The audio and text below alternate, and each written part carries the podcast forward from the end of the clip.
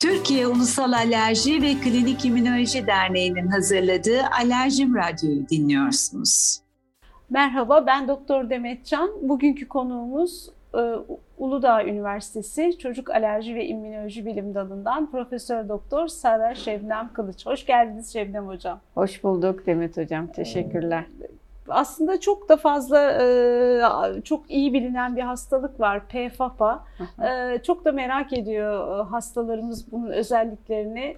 Hangi çocuklarda, hangi bulgularla karşımıza geliyor? Evet.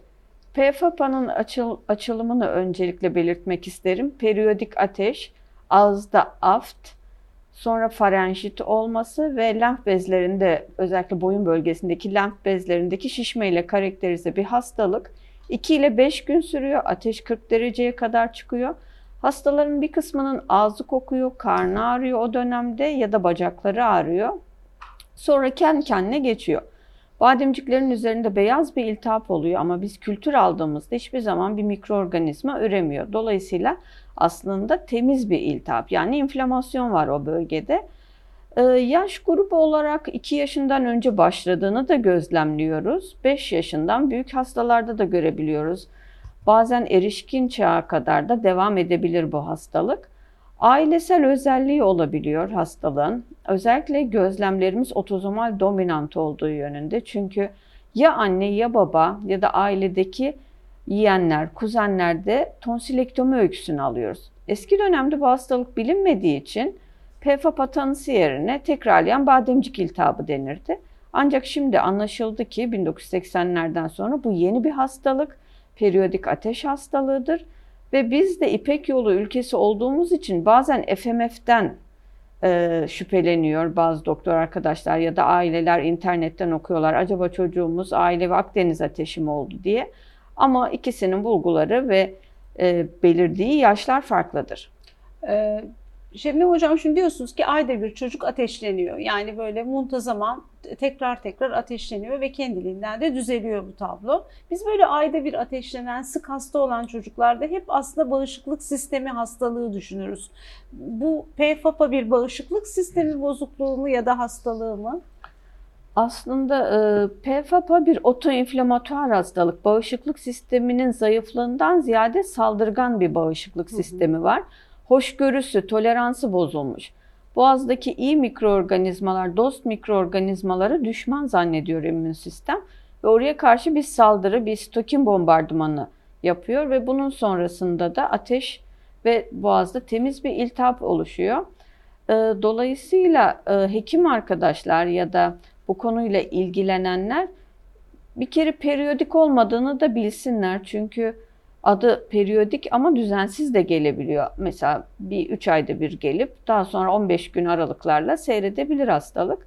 O yüzden e, bu tanıdan vazgeçirmesin düzensiz aralıklarla gelmesi.